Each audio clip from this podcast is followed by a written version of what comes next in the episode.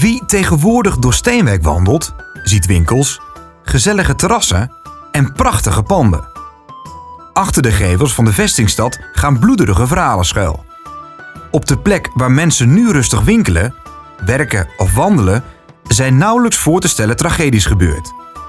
Tijdens de 80-jarige oorlog lag Steenwijk vol in de frontlinie. Maar 200 van de 2500 inwoners overleefden het beleg van Steenwijk. In deze Weerribben Wie de podcast duikt Erik Driessen in dit gruwelijke verleden. 80-jarige oorlog in de 16e eeuw. Dat was natuurlijk de periode dat Nederland in opstand kwam tegen de Spanjaarden. En dat uh, langzaam het Nederland ontstond zoals we dat nu kennen. Een beetje van die sfeer die zie je hier op het Terraplein in Steenwijk. Dat is een pleintje dat een paar jaar geleden is ontdekt. De keien en de stenen die liggen hier schots en scheef. Dan kun je zien dat het ontzettend oud is en het ligt aan de stadswallen. En bij die stadswallen er is ontzettend veel gebeurd in die oorlog. Door de Spanjaarden, door de Nederlanders, enorme veldslagen. En daarover gaat uh, Sier Tilma meer vertellen. Hij is stadsgids en we ontmoeten hem straks bovenop de 13 meter en 20 centimeter hoge stadswallen. Ja, we staan hier op de, op de stadswallen. Mensen gaan naar hun werk. Misschien de eerste koopjesjagers al wel die naar de, naar de stad gaan. We staan hier op uh, ja, prachtig uitzicht ook op Steenwijk. Maar ooit was het hier niet zo vredelievend. Wat, wat is hier allemaal gebeurd? Het is meer uh, 1581 dat we teruggaan naar het uh, ontzet van Steenwijk. En naar 1592 dat Steenwijk bevrijd werd door prins Maurits. Zullen we zeggen ontzet, dat wil zeggen dat de Spanjaarden dus niet in Steenwijk zijn gekomen. Dus Steenwijk was een van de drie steden die niet is ingenomen. Zoals uh, Alkmaar, Leiden, is ontzetten, witbrood met haring. En uh, Steenwijk en Bergen op Zoom. Maar door het verraad van boer Jan Ovink uit Wapse is Steenwijk toch nog ingenomen en tien jaar lang bezet. Dus in 1592 heeft prins Maurits Steenwijk bevrijd. Steenwijk 2020, gezellig provinciestadje waar mensen graag komen winkelen. Waarom was dat eigenlijk zo belangrijk in die 80-jarige oorlog? Uh, het was een strategisch punt. Het was eigenlijk uh, in 1255 kreeg Steenwijk stadsrechten. En waarom? Omdat het eigenlijk de poort naar het noorden was, net als Koevoorde. Dus Koevoorde en Steenwijk hadden wat dat betreft een uh, belangrijke strategische functie tussen Holland, nou ja, en Fries in dit geval en Friesland, zeg maar. Dus ook in die tijd, 1580, 1590, was uh, Steenwijk een strategisch punt. En omdat uh, de Spanjaarden op een gegeven moment, dus na 1581, of zeg maar 82, tot aan 1592 hier de zaak bezet hielden, was het ook onveilig op de Zuiderzee. Want er werd geroofd hier, er werd van alles gedaan. Dus de staatse troepen hadden er echt belang bij dat uh, Steenwijk weer werd bevrijd. Oké, even een stapje terug. Wie was boer Jan Ovink uit Wapse en wie was nou ook alweer prins Maurits? Volgens overlevering had een boerin haar strohoed in de gracht van Steenwijk laten vallen.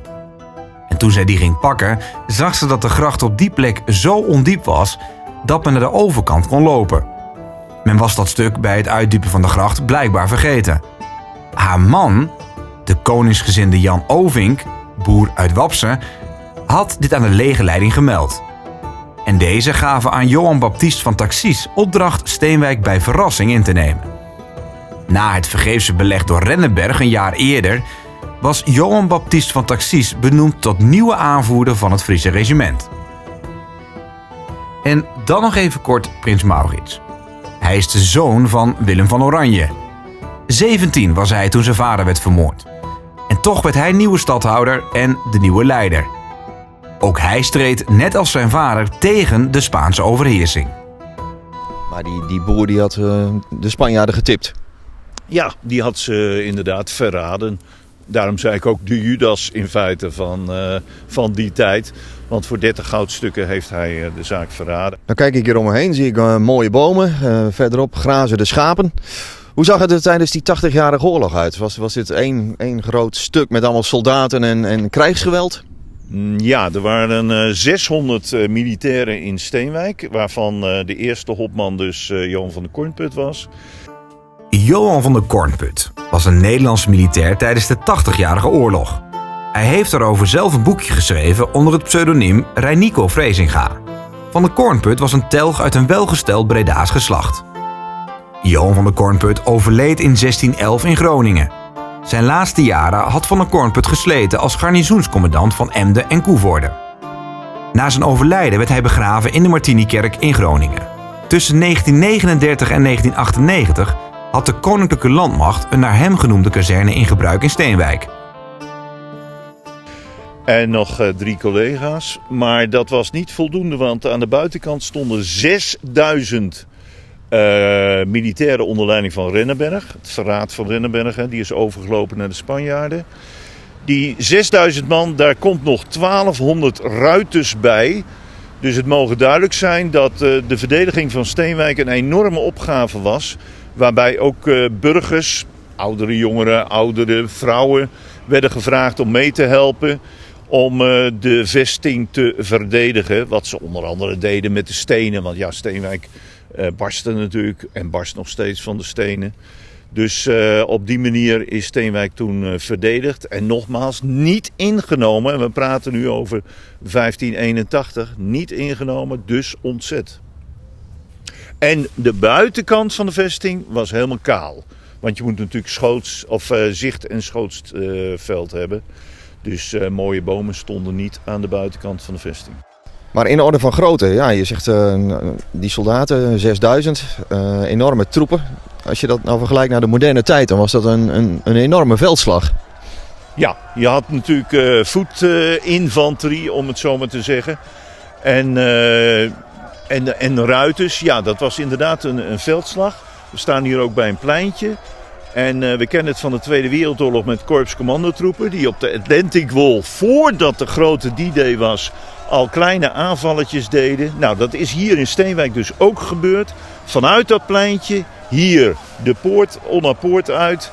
En uh, kort de Spanjaarden aangrijpen, snel weer terug, poort dicht. En de paarden gaan verzorgen en de militairen uiteraard.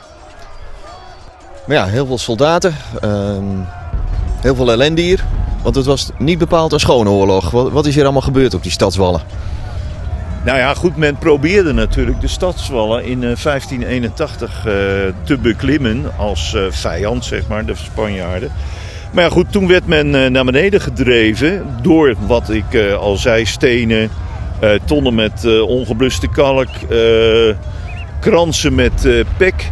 Maar uiteindelijk, en dat is misschien wel het meest gruwelijke wapen voor een burger, want ik praat nu over burgers. Want de militairen gebruikten natuurlijk de musketten. Maar de burgers sloegen dan op een gegeven moment met uh, de dorsvlegel, waar ze dus spijkers doorheen hadden geslagen. En zodoende kwam dat op de koppen van uh, de Spanjaarden terecht. En dus konden, werden ze dus weer naar beneden gedreven. Even buiten alle musketvuur en het uh, kanonvuur van, van buiten. Want wij hadden hier maar één kanon.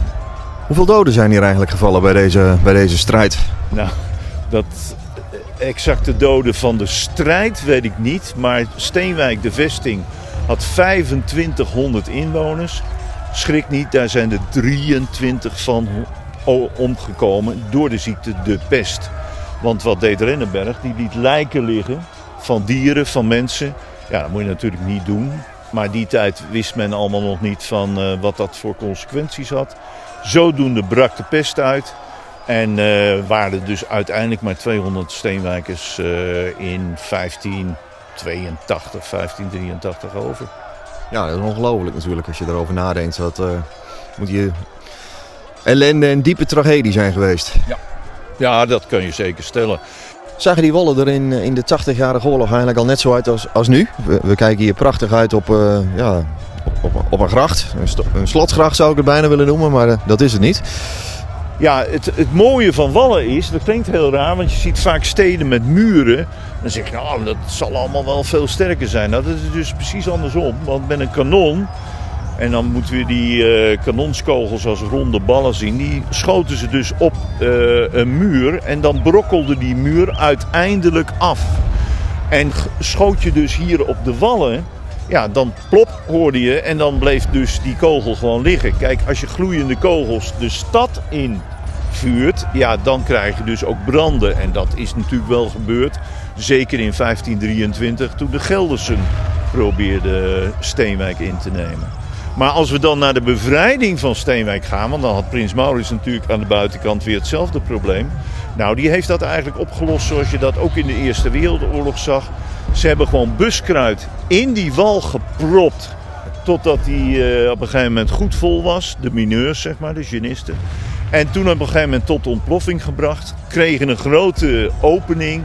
En daardoor is, uh, ja, konden de staatse troepen onder leiding van prins Maurits met als ondercommandant Johan van de Kornput in ieder geval Steenwijk uh, binnenkomen. Dat is allemaal gebeurd bij de Oosterpoort. Maar die hoogte, best indrukwekkend uh, als je hier rondkijkt. Hè? Uh, denk je dat veel mensen in de regio dat weten van Steenwijk? Dat, dat, dat, dat dit bestaat? Nou ja, goed. Daar proberen we natuurlijk sowieso veel bekendheid aan te geven. Door middel van uh, de Weerbewiede en andere, maar in ieder geval veel met media. En ik hoop dus dat dat ook inderdaad heel veel gaat gebeuren. Want dit is een heel mooi stukje om hier uh, rond te leiden. Dus wat dat betreft uh, denk ik dat er nog steeds, of dat er nog veel meer mensen naar Steenwijk zouden kunnen komen om dit te bekijken en om een rondleiding te krijgen. Je kruipt zelf ook wel eens in de rol van, van Johan van de Kornput. wat heb je met die man? Ja, ik ben daarvoor gevraagd en ik moet zeggen dat dat bijzonder leuk is om te doen. het meest leuke vind ik eigenlijk dat ik de scholen afga voor 23 februari, wanneer we het ontzet van Steenwijk vieren. In mijn pak, met sabel, alles erop en eraan. Ik neem wat wapens mee en dan op een gegeven moment geef ik dus voorlichting op de scholen. Verander je dan inderdaad een beetje in Johan van der Korput? Wat gebeurt er in je gedachtenwereld als je dat pak aantrekt en door de stad loopt? Nou ja, goed, uh, er is een boek over hem geschreven en daar staat ook in dat het een narcist was altijd vrijgezel gebleven. Dus probeer ik me daar ook een beetje in die rol uh, te, nou ja, te spelen. Regelmatig geeft de skutterie van Sint Clemens demonstraties op het marktplein van Steenwijk. En kruipt Sier Tilma in de huid van Johan van de Kornput. In die rol herhaalt hij dan ook vaak deze legendarische woorden. Pakt u naar huis, gij schelmen. Wat staat gij hier te kakelen om bij onze brave soldaten door uw leugens de nood te verminderen? Zij verstaan hun taken zelf wel en hebben uw raad in het minst niet nodig. Pakt u terstond weg. Als Steenwijk door u overgegeven wordt, gaat het lont in de buskruid door mij. Een dikke slager bleef echter staan en zei: Wat zal er tenslotte gebeuren als wij niets meer te eten hebben? Van de kornput antwoordde: dat duurt nog lang en als het eenmaal zover is, dan zullen we jou en mensen van jouw soort het eerst opeten. Wil je meer weten over Steenwijk en de 80-jarige oorlog? Bezoek dan het Stadsmuseum aan de Markt. Of wandel de speciale vestingroute. In 2 kilometer ontdek je alles over de geschiedenis van Steenwijk. Je vindt de route op www.visitweerinbewieden.com. Deze podcast is geproduceerd door Erik Driessen en Klaas-Jan Barneveld.